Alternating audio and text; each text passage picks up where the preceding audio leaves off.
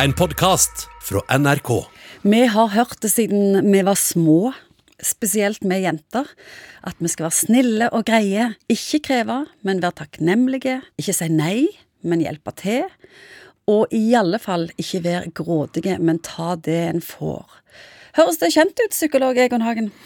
Ja, altså nå, Vi vil jo begge to være enige i at det å være snill sånn i utgangspunktet er en fin ting. Det er jo det. Ja, Hvis du ser på forskning rundt disse tingene, så ser vi at jenter har en større tilbøyelighet til å være opptatt av mennesker, relasjonelt orientert, og kanskje har litt mer sånn empatiske ting. Og så er det jo på en måte det der Hvorfor snakker vi om dette?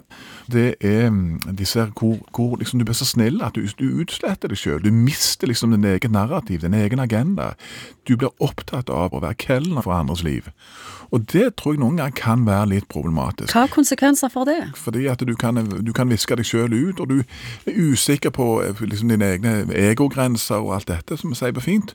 Og du kan òg bli utsatt for um, manipulasjon, styring, og bli trukket inn i andre mennesker som har behov for den type liksom sånn eh, klakørhjelp. Eller, når du er så snill, så ser andre en åpning? Her, det, her er det, er det sånn, muligheter. Ja, du kan brukes til et eller annet. Jeg Ja. kan bruke deg til noe. Og det er spesielt disse vi snakker til, tror jeg. De som på en måte kanskje føler at eh, jeg strekker meg lenger enn langt. Jeg inngår i noen andres psykologiske middag. Nesten fortært for å støtte opp under andres selvbilder.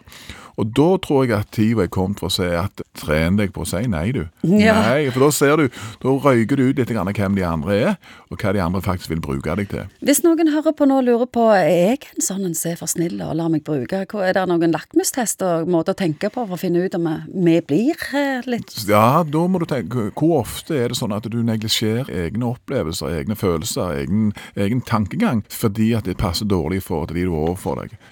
Tviler på om din egen måte å oppfatte verden på faktisk er riktig, for det er noen andre som har en helt annen oppfatning, og da vil du alltid sette dine egne vurderinger til side.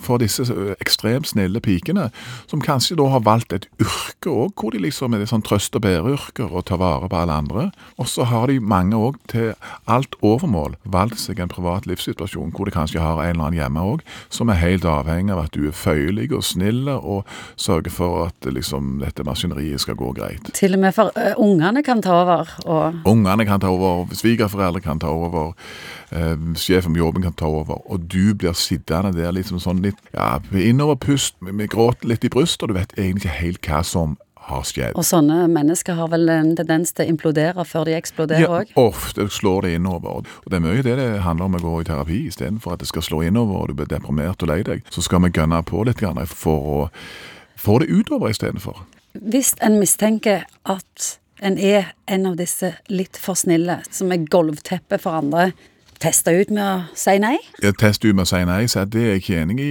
Å respektere den egne su- subjektive Stå i det, selv om Stå det er behagelig. Og så må du være klar over det at når du har egentlig så, brukt så mye av livet ditt Dette er viktig, jenter. Når du har brukt så mye av livet ditt på, å- prøve å lese hva andre trenger, hva andre har behov for, så må du regne med at det tar litt tid faktisk å finne ut hva er det egentlig jeg mener.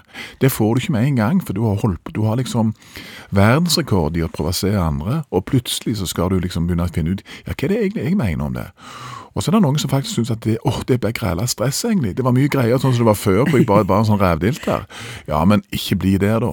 At det ligger ikke noen gull å skimre i enden av denne rævdilterløypa, altså. Du har hørt en podkast fra NRK. Hør flere podkaster og din favorittkanal i appen NRK Radio.